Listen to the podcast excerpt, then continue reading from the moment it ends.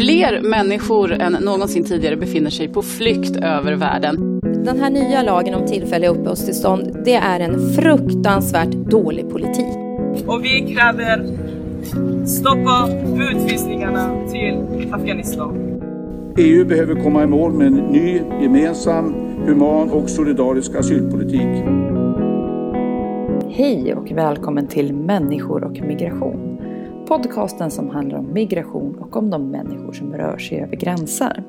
Jag som pratar nu heter Maja Dahl och jag är programledare och producent av den här podden som ges ut av Arena Idé. I det här avsnittet så ska vi prata om anhöriginvandring och politiken bakom kraven för familjeåterförening. Vad är det för centrala värden som står på spel när människors rätt till att leva med sin familj ser olika ut beroende på vilken typ av skydd de får?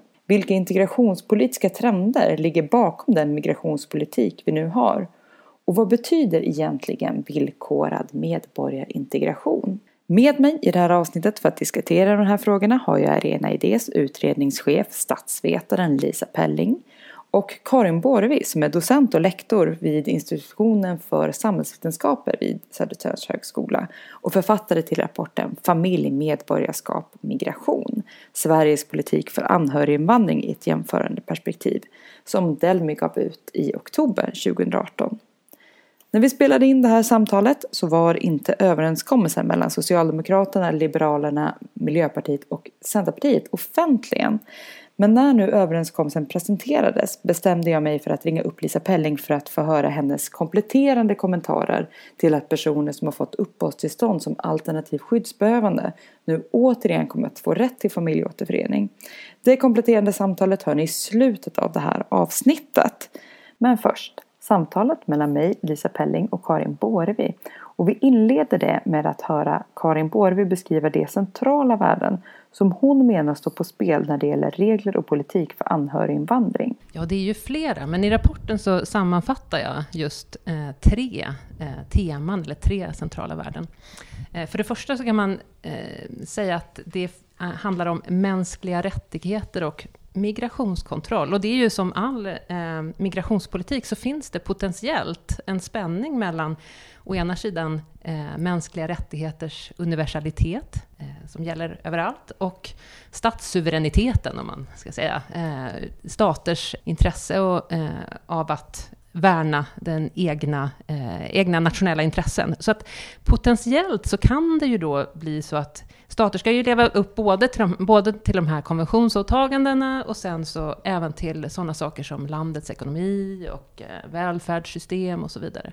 Och det kan ju bli en sån spänning. Så det är det första sånt eh, värde. Men sen eh, vad gäller familjeåterförening och anhöriginvandring så handlar det här också om integration och medborgarskap. För lite till skillnad från en del annan migration, där kan man ju säga att, som en bild att det är eh, människor som kommer och knackar på landets port, om man säger outsiders, så, som vill komma in av olika anledningar.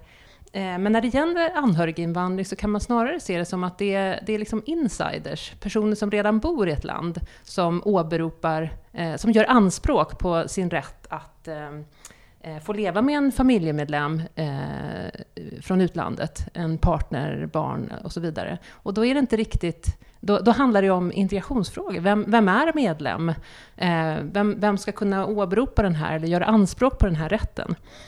Eh, så, det, så därför så, så kretsar det här mycket kring integration och medborgarskap och medlemskap. Liksom. Och för det tredje eh, så menar jag att det här handlar om samhällets värdegrund. Och det är ju ett populärt och trendigt begrepp att prata om värdegrund. Men jag tycker att man måste lyfta att rätten till privat och familjeliv, det är ju en individuell rättighet. Det är jätteviktigt för individer och att familjen är en, en centralt värde för individen, det är ju liksom lätt att eh, komma överens om. Men det är också en väldigt viktig fråga för för samhället och för våra, för våra principer om hur, eh, vad som är viktigt i ett samhälle. Ehm, att barn får ha tillgång till sina föräldrar, att vuxna eh, ska få välja själv kring familjebildning och så vidare. Så det här är liksom eh, generella, centrala frågor som, som eh, ställs på sin spets i fråga om anhöriginvandring. Kan, kan jag eh, lägga till också eh, till de här centrala värdena att eh, man kan väl säga också att anhöriginvandringen på sätt är med och definierar vad Sverige är för ett slags invandrarland. Att detta att eh, arbetskraftsinvandrare till exempel traditionellt sett hade rätt till familjeåterförening även under 50 och 60-talet när andra europeiska länder hade ett system av gästarbetare där man tänkte sig att de arbetskraft som behövdes inom industrin de skulle in och så skulle de vara arbetskraft under ett par år och så skulle de återvända. De skulle absolut inte ta hit sina familjer. De skulle inte rota sig i Tyskland och bli en del av det tyska samhället. Medan vi i Sverige hade den, den helt eh, motsatta strategin. Vi tyckte att man inte bara skulle bli med i facket, man skulle också bli med i samhället och man skulle få, så småningom fick man till exempel kommunal rösträtt. Man skulle vara en del av den svenska liksom, eh, demokratin och man, man skulle se på sin vistelse i Sverige som någonting långsiktigt. Eh, och att, att eh, därför så blir det när man förändrar anhöriginvandringen och plötsligt börjar betrakta de som får skydd i Sverige undan eh, eh, de som får skydd oavsett vad, vad, av vilken grund plötsligt bara ska ha skydd under en kort period. Så pass kort att man inte ens behöver återförenas med sin familj under tiden som Sverige skyddar. Så är det på något sätt, eh, skulle jag säga, någon slags paradigmskifte i var vi är för slags eh, migrationsland. Definitivt, och det, det, är, det är ju en av ehm, eh, slutsatserna och poängerna i den här rapporten, att visa på eh, att, det, att det är ett väldigt stort skifte eh, i politiken och att, det, eh, och att det har då diskuterats bara i förhållande till en av de här de här centrala värdena och, eh, och eh, potentiella intressekonflikterna, nämligen migrationskontroll och mänskliga rättigheter. Medan, medan just frågan om integrationsmodell och värdegrund, eh, eh där, där, det har man egentligen inte diskuterat eh, alls. Och jag tror att alla de här tre temana måste liksom komma upp på bordet. Mm. Vad beror det då på att man har missat att ta upp de frågorna i debatten, Lisa? Jag tänker att förändringen av, eh, av eh, anhöriginvandringspolitiken ju inte gjordes i akt och mening att eh, driva igenom ett paradigmskifte. Det var inte det som var syftet, utan syftet var att göra det man i stunden upplevde sig vara, kunna göra för att minska antalet asylsökande till Sverige. Det var det, var det som eh, motiverade och då gjorde man det man, man, man upplevde att man kunde göra. Och då var bland annat detta att eh, eh, inskränka familje, rätten till familjeåterförening en, en sån eh, möjlighet. Det beslut som man tog då den 24 november, eh, det som beslutet tog man precis innan, men det som, det som presenterades på den här berömda presskonferensen, Åsa Romson eh, brast i gråt och den 24 november eh, 2015 var ju att man ville anpassa svensk lagstiftning kring eh, möjlighet att få uppehållstillstånd här till den lägsta möjliga nivån inom EU. Och då var eh, Sveriges regler när det gäller rätten till familjeåterförening eh, mer generösa. Nu säger jag generös med små citattecken i luften här som inte syns när man spelar in podd. Men gör det i alla fall. Och, så det var en av de saker man kunde göra. Men mm. jag tror inte att man tänkte sig att det skulle bli... Eh, ja, man hade inte planerat för ett paradigmskifte och det är precis som Karin säger, det har man inte utrett, det har man inte tänkt över. Och det är det som gör det lite akut nu när eh, politiker säger vi ska förlänga den tillfälliga lagen. Det är en lag som, som är helt och hållet utformad för att vara tillfällig, som man faktiskt inte kan förlänga hur som helst. Eller åtminstone så borde man inte göra det utan att ordentligt utreda konsekvenserna. Vill vi bli ett invandrarland där den som får skydd eller den som får arbetstillstånd är här på väldigt kort och tidsbegränsad tid? Eller vill vi fortsätta vara ett invandrarland där den som vill uppmuntras bli en del av samhället? Det, det är liksom två ganska olika vägar. När du nu pratar om den här ändringen, eh, kan vi bara snabbt för, eh, mm. för lyssnarnas del, som kanske inte har full koll på varje, hur lagstiftningen såg ut innan, hur lagstiftningen såg ut efter då juli 2016, när den här tillfälliga lagen röstades Hur ja. förändrades det just när det kommer till eh, familjeåterförening ja. och yes. anhöriginvandring? Man kan säga att det, det var två saker som hände. Dels så var det en hel kategori av personer som fick skydd i Sverige som inte längre har rätt att återförenas med sin familj. Och det är alla de som får tillstånd som alternativt skyddsbehövande.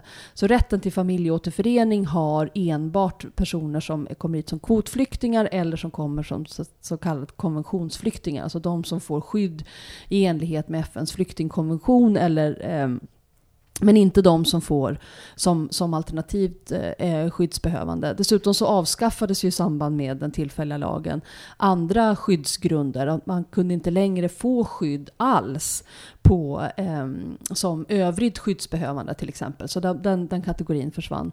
Så det, det, var en sak som hände och det är ganska stora antal det handlar om här.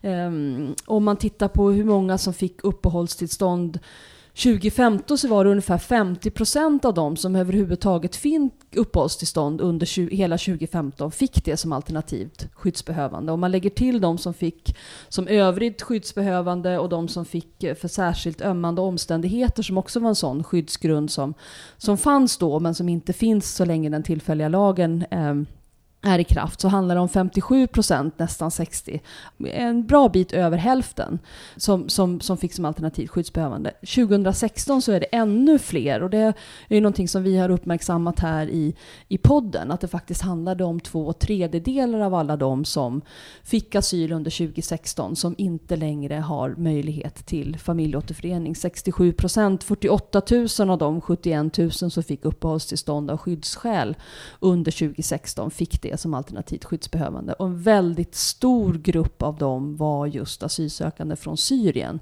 Som typiskt sett just fick skydd som alternativt skyddsbehövande och inte som konventionsflyktingar. Sen 2017, som är det liksom den senaste årsstatistiken såklart som finns, så har andelen alternativt skyddsbehövande minskat ganska mycket. 2017 så var faktiskt det första året som konventionsflyktingar var en större andel. 15 000 av de som fick uppehållstillstånd av skyddsskäl förra året fick det som konventionsflyktingar och 13 000 eh, fick det som alternativt skyddsbehövande av totalt 36 och 37 eh, procent, alltså ungefär en tredjedel. Så där har ju skett en stor förändring, framför allt för att eh, eh, vi har fått eh, färre sökande från Syrien. De får helt enkelt eh, i mycket lägre grad överhuvudtaget skydd i Sverige. Och får de skydd så är det skyddet mycket mindre värt eftersom man inte kan återförenas med eh, sin familj. Sen är det inte så enkelt som att säga att just den här regeln om familjeåterförening har eh, påverkat. Det är ju väldigt många faktorer som påverkar vem som söker asyl och vem som sen eh, får asyl. Eh, men det är en, en av de eh, sakerna som har hänt. Så det var första saken, eh, att en hel kategori inte längre får familjeåterförening. Det andra var att den kategori som har fortsatt rätt till familjeåterförening, det vill säga de som får skydd som konventionsflyktingar, belades med ett försörjningskrav. Man måste uppfylla ett ganska skarpt försörjningskrav och det fanns vissa försörjningskrav tidigare, men bland annat så var barnfamiljer undantagna från det försörjningskravet. Och nu togs det undantaget bort, så alla måste uppfylla försörjningskrav. Det enda undantaget är om man har lämnat in sin ansökan om familjeåterförening inom tre månader efter det att man har fått eh, uppehållstillstånd. Och det här är en tidsgräns som kan tyckas vara lång. Herregud, vad gör man under tre månader? Men då måste man eh, ta med att Eh, den här ansökan måste lämnas in på en svensk ambassad. Eh, och som läget är så finns det till exempel inga svenska ambassader i de områden där det råder konflikt. Det finns ingen svensk ambassad i Somalia, det finns ingen svensk eh, ambassad i Eritrea, det finns ingen i Syrien. Man måste i alla de här lägena först ta ut sin familj och sen ta sig fram till en svensk familj och sen lämna in en någorlunda fullständig ansökan. För det är inte den personen som alltså har uppehållstillstånd i Sverige som lämnar in ansökan, utan det är familjen som är utanför Sverige. Ja, precis. Man måste, för att det ska vara en ansökan så måste liksom alla de dokumenten in. Och vad jag vet så har man ändrat lite grann i praxis, men ett tag så var det ju så att man, man måste lämna in en fullständig ansökan för att det ska räknas som att man har uppfyllt det här kravet på inom tre månader. Och en fullständig ansökan är då med vigselbevis, med födelseattest, med godkända ID-handlingar och det allt är dokument som kan vara väldigt svåra att, eh, att få fram i tid. Och då eh, detta försörjningskrav. Och då är försörjningskravet dels att du ska ha en inkomst som räcker för att försörja dig själv, din partner och eventuella barn. Så att det, det räcker liksom inte att du har en inkomst som du själv klarar dig på, utan du måste kunna försörja dina barn. Och en del av försörjningskravet som har visat sig kanske vara det allra svåraste att uppfylla är det att du måste ha en bostad av tillräcklig storlek och standard som det heter. Eh, och tillräcklig storlek enligt svenska mått mätt är ju en standard som inte ens hela den infödda befolkningen klarar av. Jag till exempel bor personligen i en lägenhet som inte är tillräckligt stor egentligen för, ehm, för min familj eftersom eh, eh, barnen delar eh, sovrum två och två. Och det är egentligen inte ehm, tillåtet enligt den norm som är. Så det är ganska stora lägenheter om man har många barn. Vuxna kan dela sovrum, barn ska ha ett sovrum var enligt den normen. Så det är väldigt, väldigt tuffa krav att uppfylla även för de som så att säga teoretiskt sett har rätt till familjeåterförening. Nu hoppas jag att jag har fått allting rätt här. Du nickar Karin, har jag?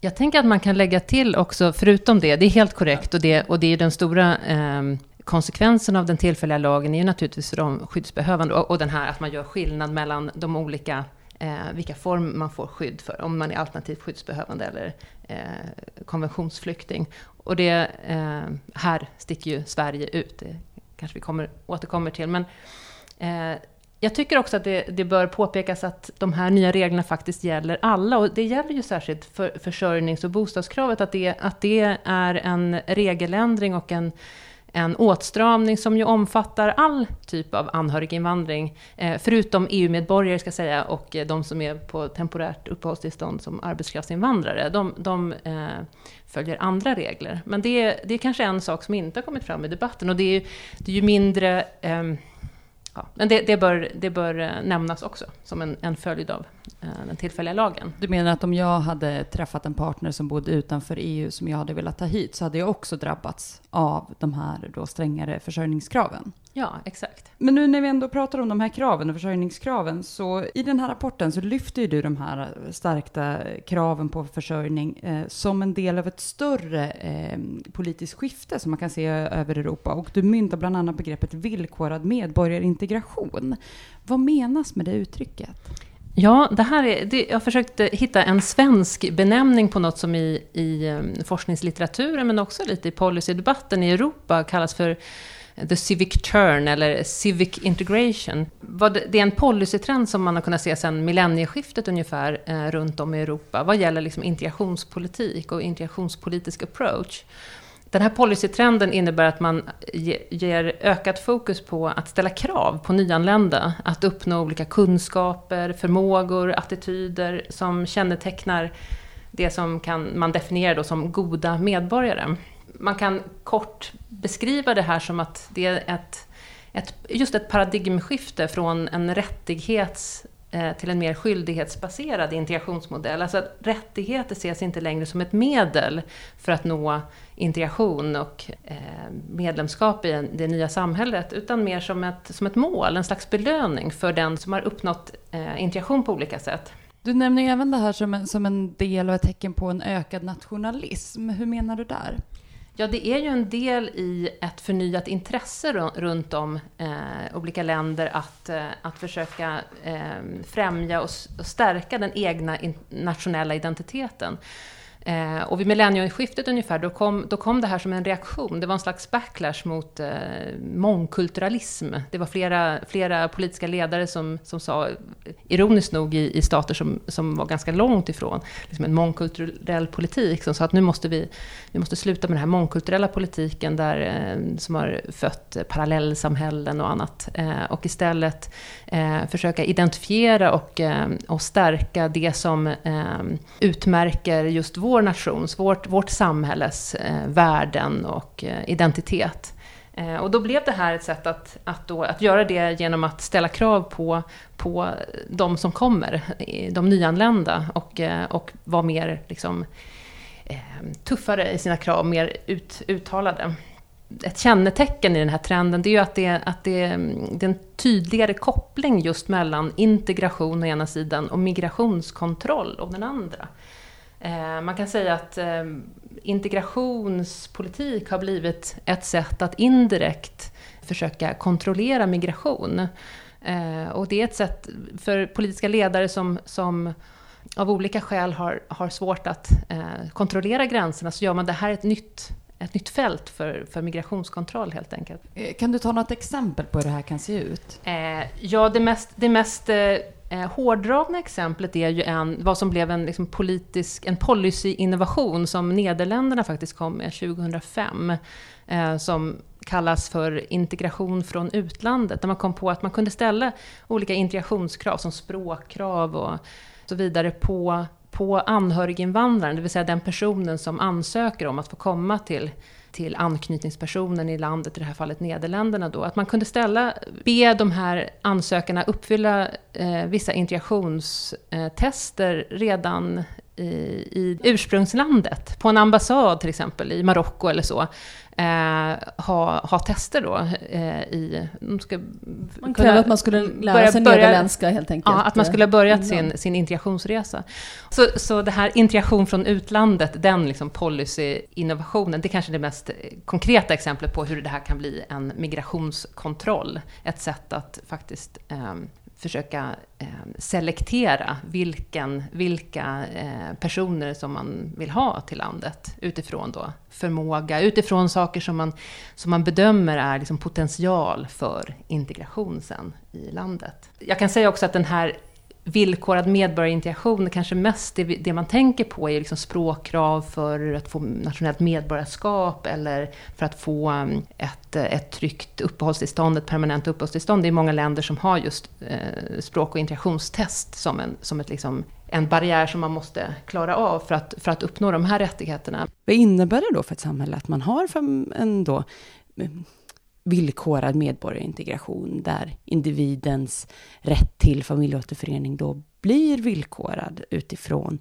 dens förmåga att uppfylla vissa krav. Eh, vad villkorad medborgarintegration innebär, det är ju liksom en integrationsidé, um, någon slags logik i hur, hur ska vi få människor på bästa sätt att eh, bli en integrerad del i våra samhällen vad gäller arbetsliv, eh, kultur, samhällsdelaktighet och så vidare. Och då, och då är det liksom en en, en annan idé om hur det uppnås. Om, den, eh, om lite förenklat kan man säga att den ena idén är att du, du behöver vissa basala rättigheter för att kunna, eh, som, som du först måste få för att kunna leva upp till ehm, eh, medborgarrollen, så, så är den här tanken att eh, man via någon slags incitament, morot och piska, ska få, ska få folk att, att först uppnå vissa, vissa kvaliteter för att, för att sen då få de rättigheter som en belöning. Så det är liksom ett helt annat sätt att se på hur integration bäst främjas.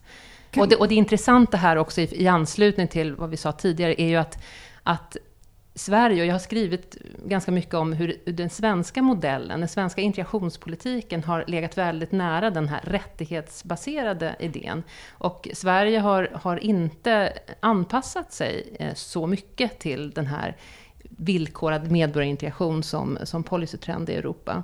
Eh, och det är det som är intressant här, att, att det här sker ett Eh, man anammar politiska åtgärder och policyinstrument som är väldigt kopplat ideologiskt till det här tänkandet, men utan att koppla på, utan att ha någon slags argumentation eller motivation till hur man gör det. Så man kan lite enkelt kan man säga att att visst, man har i, i syfte att inte sticka ut som mer generös som andra, än andra länder för att, för att försöka att inte vara en magnet för asylsökande och så vidare, så, så eh, anpassar man sin politik till, till den, den politik som gäller i andra länder. Men i de där andra länderna, där de har eh, infört de här åtgärderna med, med integrationspolitisk motivering, med olika liksom argument. Och de argumenten finns inte i det svenska fallet. Så att, så att eh, man har liksom an, anammat policyinstrument som har ett visst bagage, eller visst, liksom bygger på en viss policylogik. Mm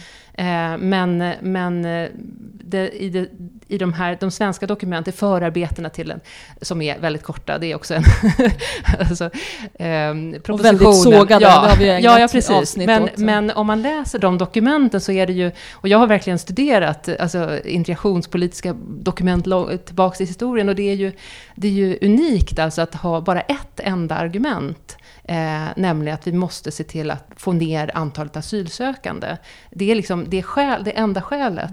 Mm. Eh, och det, det, innebär att det blir ett liksom vakuum eh, vad gäller motivering och argument. Och det, eh, därför så tror jag det är ehm, är eh, fruktbart att, att relatera till den här policytrenden. Det, det, är det jag försöker visa i rapporten, att det här är liksom i linje med eh, den här eh, paradigmskiftet som vi har sett sedan millennieskiftet ungefär i många europeiska länder. Men Sverige har inte eh, följt den, men nu, nu presenterar man en politik som, som ligger i linje med den, men utan att, att egentligen eh, lägga fram... Det är inte så att man har ändrat sig i vad gäller eh, integrationslogik egentligen. I alla fall inte de, de som, eh, alltså regeringspartierna i, i den här regeringen. Ett annat exempel på det är att eh, när man bestämde sig för att man skulle lägga sig på europeisk miniminivå eh, eh, så ändrade man också vissa åldersgränser. För att ha rätt till familjeåterförening så måste till exempel båda makar vara minst 21. Tidigare var åldersgränsen, som ju är vuxenårsgränsen i allting utom att gå på Systembolaget vad jag vet, eh, ni är 18 år i Sverige, men plötsligt så införde man en, en gräns på 21 år. Och den möjligheten att införa en sån 21-årsgräns finns enligt europeisk lagstiftning om man med en sån åldersgräns tror sig kunna motverka tvångsgifte. Eh, alltså tvångsgiftermål. Och det var ju inte alls syftet med den svenska tillfälliga begränsningslagen. Det fanns inte med i diskussionen, fanns inte med i förarbetet, var inte med bland motiven. Man gjorde det bara för att man kunde. Eh, för att man ville minska antalet ansökningar till Sverige helt enkelt. Och det är också en fråga som aktualiseras nu med förlängningen. Har man verkligen rätt att fortsätta detta? Eller måste man i så fall motivera det? För annars skulle man kunna eh, argumentera, och det tror jag att du gör i din rapport Karin, att det här är eh, faktiskt eh, eh ett tillfällen när Sverige lägger sig under det som är eh, miniminivån eftersom man har den här åldersgränsen trots att man inte har någon ambition att motverka tvångsgiftermål. Ja, jag menar alltså det, det är faktiskt en av de mer så konkreta eh, frågorna jag tar upp i rapporten. Det här, det här tillhör det som vi inte har fått höra någonting om egentligen. Att Sverige med den tillfälliga lagen faktiskt har höjt eh, gränsen för när, när man måste bevilja familjeåterförening eh, med makar sambor. Enligt utlänningslagen så anger ju situationer där familjeåterförening får nekas makar. Eh, och en sådan är om någon av parterna är under 18 år. Eh, och det är under 18 år. Och nu ändrar man det här till att eh, kunna neka eh, familjeåterförening om någon av parterna är under 21 år. Eh, och då har man ju ändrat på, eh, på den här gränsen. Och det är familjeåterföreningsdirektivet anger faktiskt att medlemsstater har en möjlighet att införa en sån eh, högre åldersgräns än 18 år. Eh, om de motiverar det som att det är, eh, ska vi se alltså, exakt hur de säger. Stater får ställa högre åldersgräns än 18 år för makar och sambor om det är ett led i arbetet med att främja integration och förhindra tvångsäktenskap. Um, och det blir ju lite speciellt när Sverige inte kom, man går ju inte in på eh, frågor om integration eller tvångsäktenskap och det är ingenting som vi tidigare har eh, statliga utredningar kommit fram till att, man inte, att det här inte är ett, ett bra medel för att eh, motverka tvångsäktenskap till exempel, att det inte är särskilt effektivt och att eh, individers rätt att få gifta sig, vuxna människors rätt att välja, faktiskt välja själva vem de vill gifta sig med, eh, väger tyngre. Så det skulle ju vara ett jättestort, det, det är en jättestor förändring, en jättestor principiell förändring eh, som, som man här faktiskt gör. Eh, men inte bara det, det är ju inte heller i, förenligt med direktivet. För man, stater får göra det här om man motiverar det som en integrations eller en åtgärd för att motverka tvångsäktenskap, men det gör ju inte Sverige. Så att jag kan inte komma fram till något annat än att det här är i strid med vad familjeåterföreningsdirektivet anger. Att det helt enkelt inte korrelerar med vad man får göra. Vad, vad, kan, man, kan man säga någonting om vad det får liksom för konsekvenser då när man bygger en lagstiftning eh, på just en sån här trend där man saknar egentligen den politiska ideologin bakom. Jag, jag, jag, tänker att en, en fara finns här, att eh, man upplever att man fortfarande har behov av att ha de här reglerna, men känner sig för att eh, man tror att det är det enda sättet och det mest verksamma sättet att hålla nere antalet personer som söker asyl i Sverige och det är någon slags överordnat mål. Att man eh, använder sig av de här eh, argumenten om eh, integration till exempel. För att eh, den europeiska lagstiftningen kräver det, i det här fallet som du nämner nu om, om tvångsäktenskap till exempel. Eller att man, man liksom vill motivera den för att kunna förlänga den här tillfälliga begränsningslagen lite längre. Men, men att man då för in en politik som man egentligen inte vill ha eh, och som framförallt inte är eh, utredd. Vad är det för migrationsland som vi vill eh, vara i förlängningen? Och det, den, den diskussionen skulle vi verkligen behöva, behöva ta. Ett, ett, ett annat exempel på hur den här lagstiftningen blir lite märklig är ju att, eh, precis som Karin nämnde, så är det så att den som söker om eh, tillstånd för att invandra till Sverige för att arbeta eh, har rätt till familjeåterförening även om man har ett väldigt kort uppehållstillstånd. Som ehm, arbetskraftsinvandrare så får man inte något tillstånd, aldrig någonsin, som är längre än två år.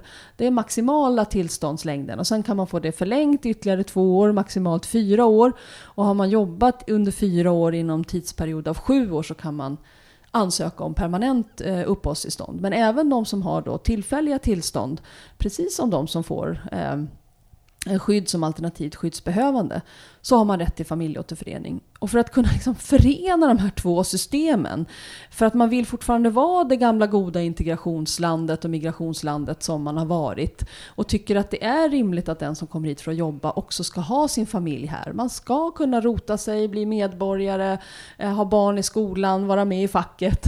Ehm, så har man infört en möjlighet för den som är alternativt skyddsbehövande, som har ett tillfälligt uppehållstillstånd, men som lyckas få ett jobb, att då få rätt till familjeåterförening. Så det finns en liten, liten ventil kan man säga. Att är det så att man får ett, eh, ett arbete som är någorlunda eh, fast. Det finns inte fastslaget att det ska vara en tillsvidareanställning men det ska vara av någorlunda eh, varaktighet och det ska vara eh, så pass eh, välbetalt så att du kan försörja dig vilket eh, återspeglar reglerna för, för eh, arbetskraftsinvandring.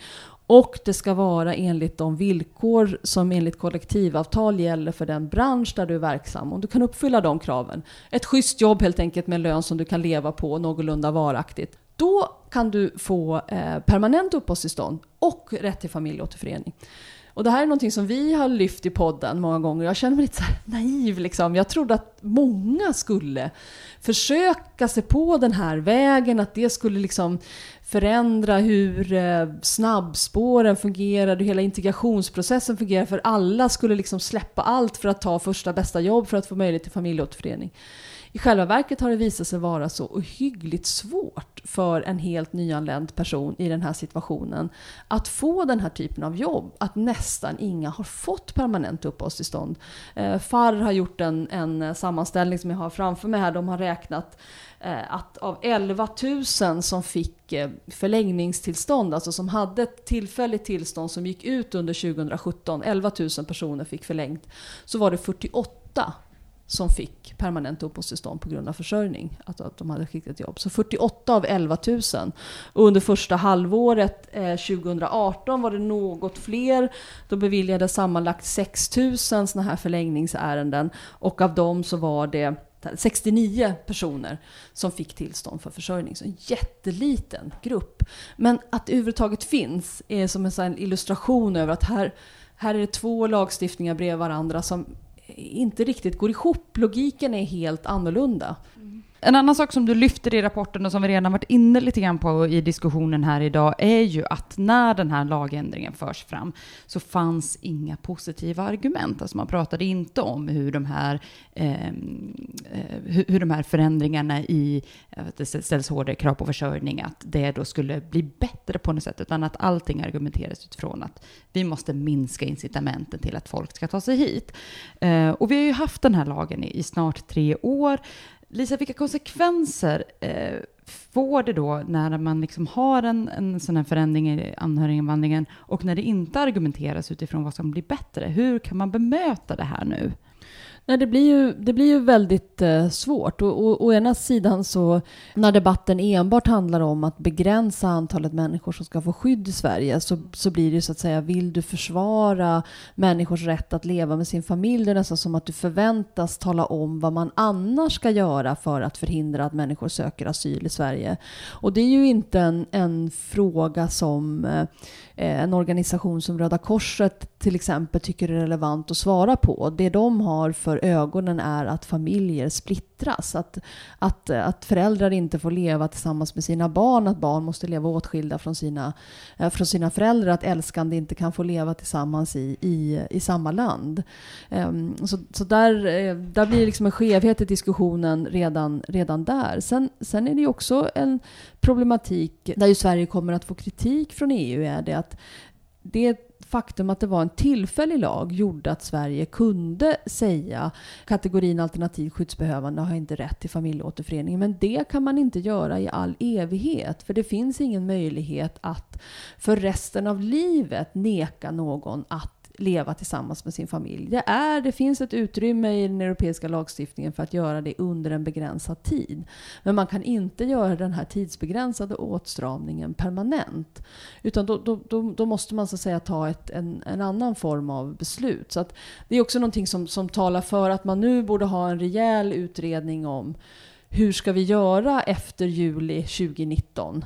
Eh, för det går helt enkelt inte att eh, enbart, eh, enbart förlänga. Men eh, Karin, hur tänker du? Alltså nu, du har ju liksom varit inne och tittat verkligen djupdykt i den här lagändringen och hur den argumenterades fram, hur den jämförs med de andra europeiska länderna. Hur kan man argumentera kring fortsättningen av en lagändring eh, när all argumentation för den var negativ?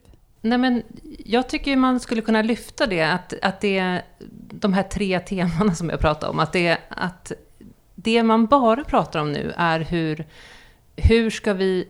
Man ställer den här, den här konflikten mellan konventionsåtaganden, vad, vad eh, Sverige måste göra enligt de konventioner för mänskliga rättigheter som vi, har, som vi är bundna av. Och det å ena sidan, och sen migrationskontrollen eh, blir liksom ett värde. Eh, och och då, då blir det hela den här signalpolitiken, hur ska vi försöka anpassa oss eh, nedåt för att inte sticka ut som mer generösa. Eh, men, men det som man inte tog upp i, i, förar, liksom i den här lagstiftningen och i debatten särskilt mycket, det är ju just det som gör, rör liksom integrationsmodell, medborgarskapsmodell. Jag menar inte integration, integration av ett samhälle, så. värdegrundsfrågor. Och jag tror faktiskt att det skulle kunna vara ett sätt att, eh, att att vi behöver diskutera vad, vad gör det här nu, inte bara, det är jätteviktigt, vad gör det för, för eh, de eh, asylsökande och de, och de som har fått skydd här i Sverige? Det är ju liksom en aspekt som Lisa tar upp här. Men jag, jag menar att man skulle lyfta det här som en liksom samhällsfråga. Vad gör det med vårt samhälle?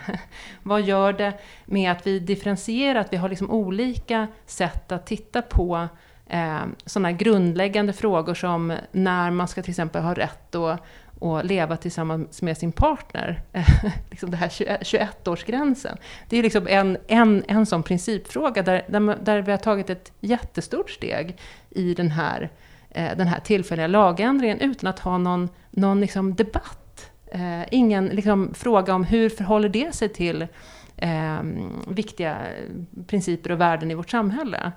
Så jag, tror att, jag tror att man, där skulle man kunna hitta eller där är det viktiga liksom, argumentationslinjen om du frågar det. Ehm. Inledningsvis så pratar vi om de centrala värden som du lyfter i den här rapporten, eh, Karin, som eh, liksom är det som står på spel när man sätter olika eh, regler och krav för familjeåterförening. Eh, och jag tänker att vi ska, vi ska fortsätta den här tanken som ni nu var inne på lite På spåret-aktigt. Vart är vi på väg? Vad är det för värden som nu står på spel i de prioriteringar som lyfts i den svenska debatten när det kommer till just anhöriginvandring?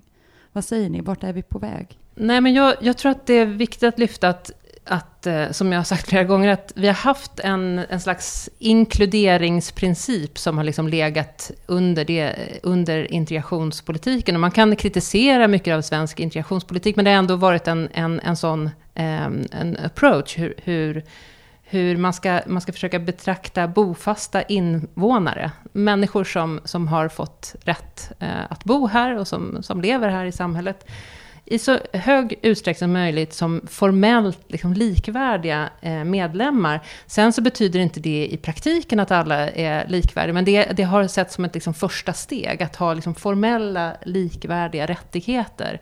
Eh, utifrån det, det är liksom en bra bas i alla fall att utgå ifrån.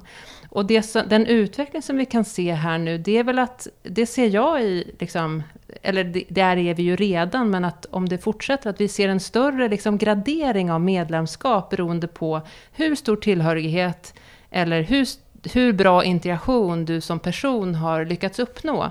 Eh, och då blir det också att du har olika rättigheter beroende på vilket medlemskap du har. Det blir liksom mer differentierat. Eh, och det är liksom det, villkorad medborgarintegration, vad det innebär. Eh, och då det handlar om anhöriginvandring så blir det ju ännu mer liksom, genomgripande för det handlar om något så viktigt för, de alla, eller för alla människor eh, som gäller familjen. Eh, alltså att vi får olika rätt till familjeliv beroende på vilket medlemskap vi har i ett samhälle.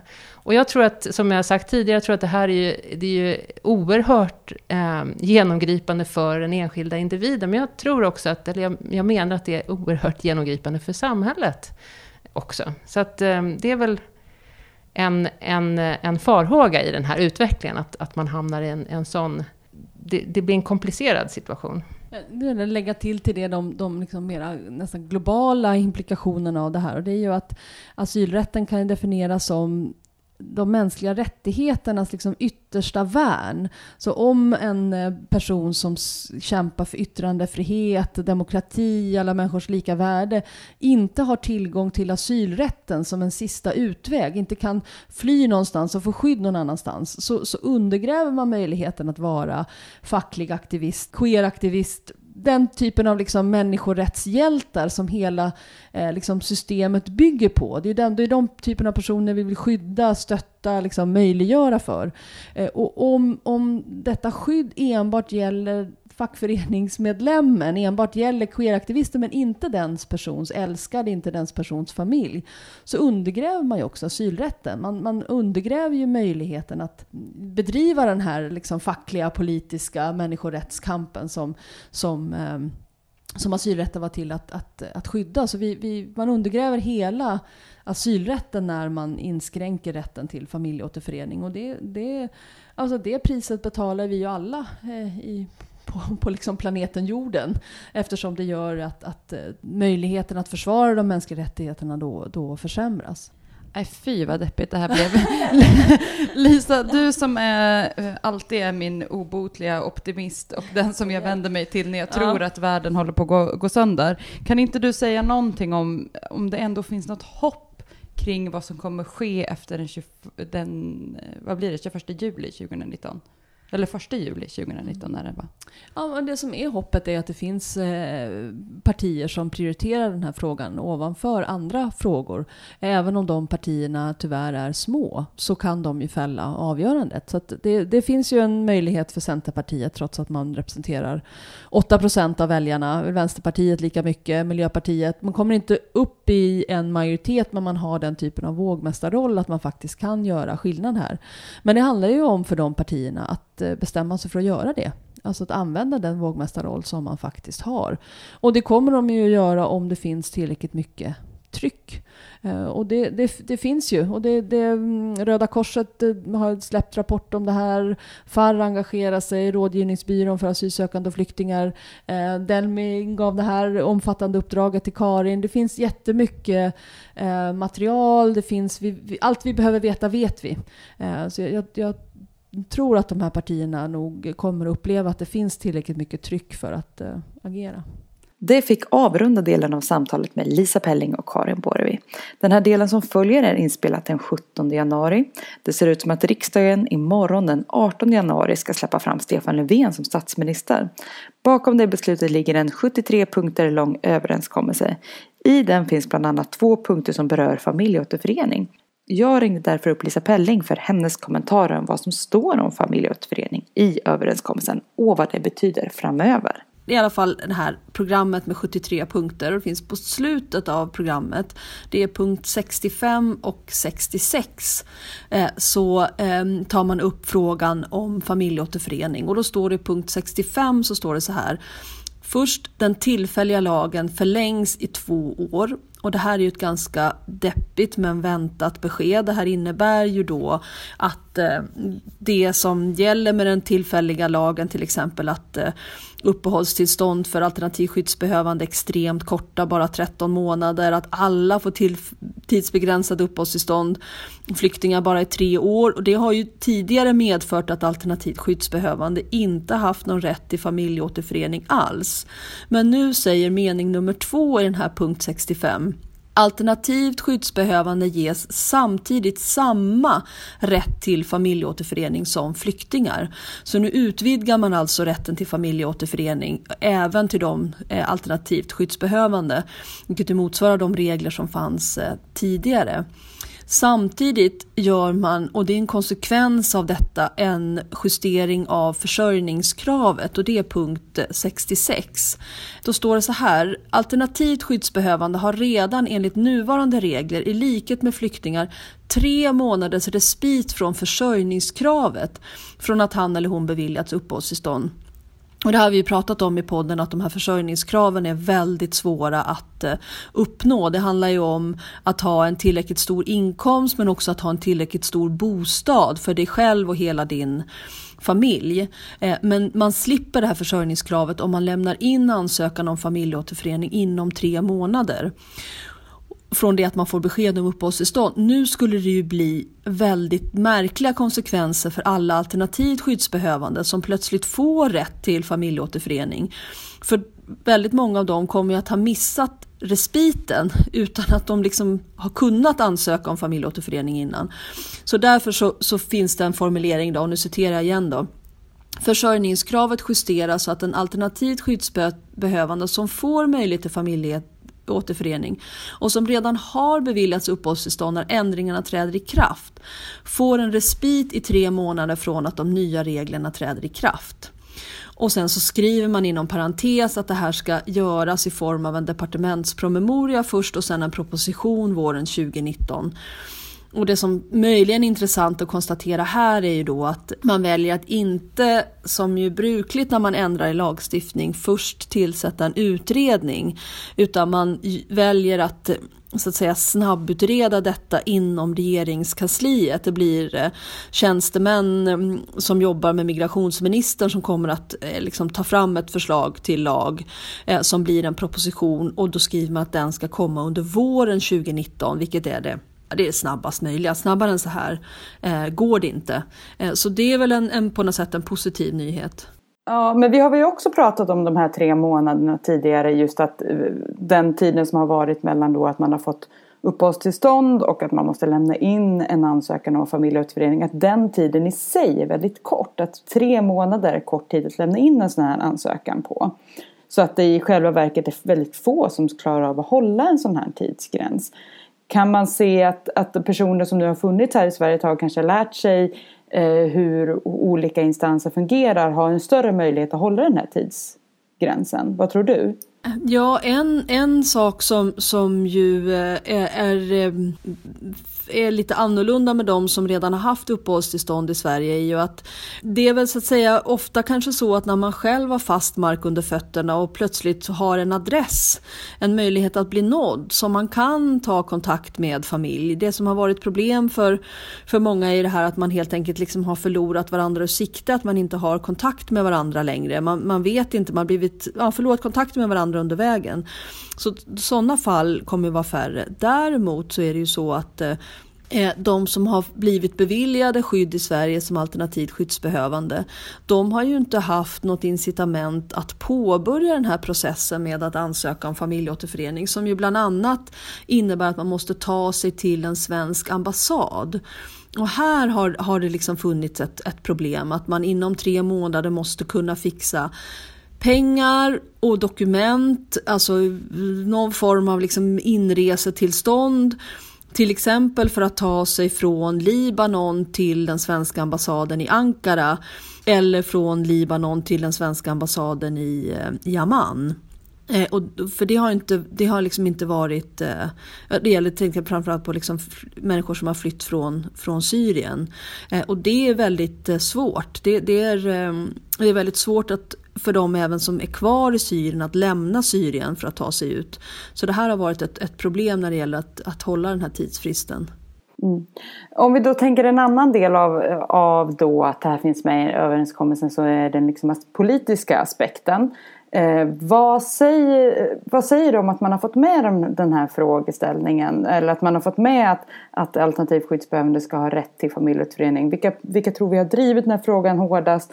Hur svår har den varit för de andra att svälja? Vad, vad kan man säga om att, den här, att det faktiskt finns med i överenskommelsen i sig? Ja, det är ju egentligen inte förvånande eftersom tre av partierna, av de fyra partierna som har slutit den här överenskommelsen och utöver det även eh, Vänsterpartiet, är just som vars mandat ju krävs för att den här regeringen ska kunna eh, tillträda. Det har vi ju Jonas Sjöstedt påmint oss om här de senaste dagarna när det här eh, eh, spelas in. De driver alla tre, Centerpartiet, Liberalerna och Miljöpartiet driver att man ska återinföra rätten till familjeåterförening även för alternativt eh, skyddsbehövande. Så att det är naturligt att det kommer med men man vet ju aldrig hur partierna sen de facto prioriterar. Så det är ju glädjande att de här partierna inte bara driver det här utan har prioriterat att driva det in i den här förhandlingen om den här överenskommelsen. Och vad vi vet så är det Miljöpartiet som har drivit på väldigt hårt i de här frågorna och, och eh, Centerpartiet, vad, vad det sägs. Liksom. Eh, medan Socialdemokraterna och Liberalerna verkar ha varit mera, eh, mera försiktiga, framförallt då, då eh, Socialdemokraterna som ju är rädda för att en återf- för, eh, återinförande av rätt till familjeåterförening för den här gruppen som ju som det ser ut idag utgör ungefär hälften av de som får eh, eh uppehållstillstånd som skyddsbehövande i Sverige. Tidigare var de två tredjedelar.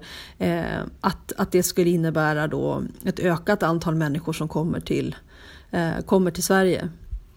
Det finns en annan aspekt i det här eh, också och det är att man eh, har som punkt 67 eh, att man bestämmer att man har kommit överens om att man ska göra upp om den framtida migrationspolitiken i en parlamentarisk kommitté.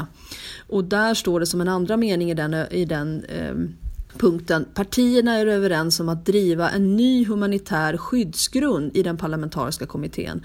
Alltså de här fyra partierna, inklusive då Socialdemokraterna, kommer att i den här kommittén driva frågan om att man borde ha en ny humanitär skyddsgrund och det man tänker på då är förmodligen ett återinförande av det som tidigare kallades övrigt skyddsbehövande. Och det är en, en, en skyddsgrund som många eh, personer som eh, Ja, det har alltid varit en väldigt liten grupp personer som har fått eh, skydd av, av, som övrigt skyddsbehövande. Det har handlat om några hundra. Men det har ofta handlat om hundra väldigt liksom ömmande fall.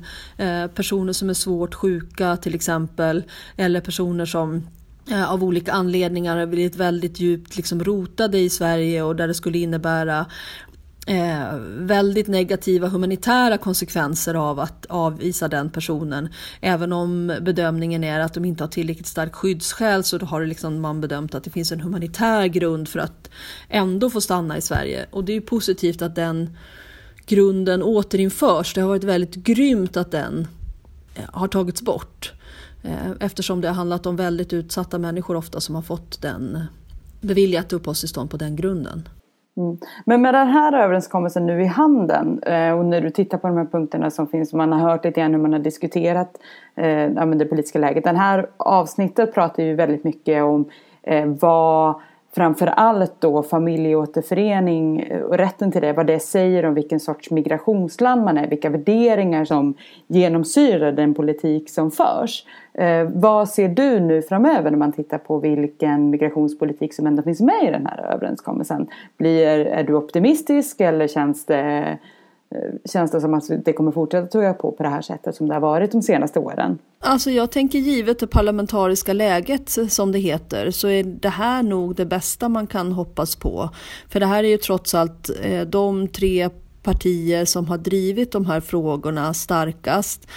Plus då med ett stöd från Vänsterpartiet som har ett stort inflytande över svensk politik och hela den här överenskommelsen, den här mittenregeringen som, som tillträder nu, eh, är ju ett, eh, en regering som vars gemensamma nämnare är att man vill utestänga Sverigedemokraterna från inflytande.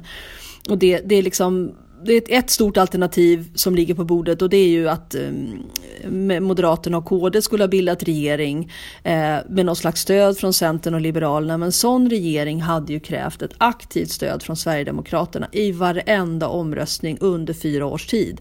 Aktivt stöd, de har behövt trycka på grön knapp. Eh, det är självklart att det hade påverkat migrationspolitiken.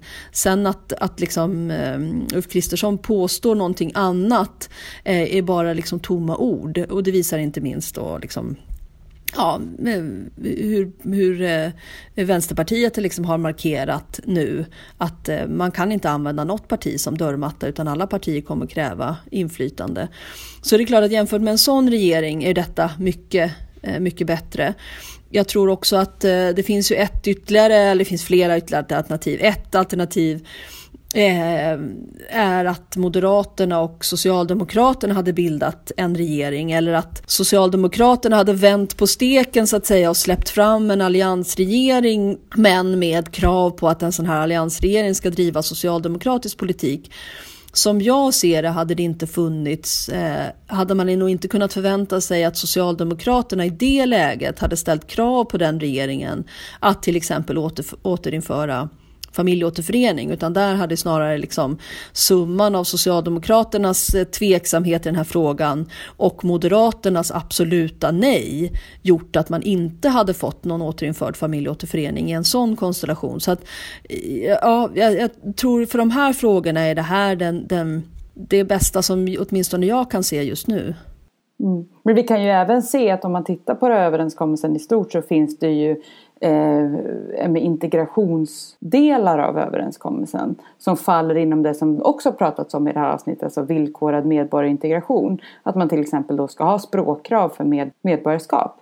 Ja, så är det. Eh, och det är ju, eh, ja, man kan tycka att det är ett fånigt förslag, men det är ju också en, en, ett tecken, precis som vi pratade om i avsnittet, på att um, att man vill göra det svårare att bli en naturlig del av det svenska samhället och det får ju, det, det får ju konsekvenser. Det kommer ju bli så att, att eh, en del barn inte kommer att kunna bli svenska medborgare för att pappa är för sjuk för att lära sig svenska eller för att mamma var analfabet när hon kom och inte under liksom många, många år klarar av att få den nivån på, på läsning och svenska kunskaper för att klara testet. Vilket gör att det kommer att, ja, våra barn kommer att ha klasskompisar som, som hela tiden är osäkra på, kan jag stanna i Sverige? För att man aldrig kommer att kunna bli eh, medborgare. Eh, och, och, och det, det, är, eh, det är inte rimligt och det är också korkat för detta att, att använda medborgarskapet som ett, liksom, en morot för att lära sig språket har inte i något annat land visat sig vara särskilt effektivt. Med det sagt så avrundar vi dagens avsnitt. Stort tack till Karin Borvi som gästade podden. Karins rapport eh, Familj, medborgarskap, migration, Sveriges politik för anhöriginvandring i ett jämförande perspektiv finns bland annat att ladda ner från delmi.se. Och tack till Lisa Pelling som inte bara klev in i studion en utan två gånger för att prata med mig om anhöriginvandring. Om du som lyssnat har frågor eller kommentarer till dagens avsnitt så gå in på Facebook-sidan Människor och migration och skriv dem i kommentarsfältet där. Eh, eller i mail till oss därifrån. Eller så kan du på Twitter tagga in Arena Idé i din tweet. Tusen tack för att du har lyssnat.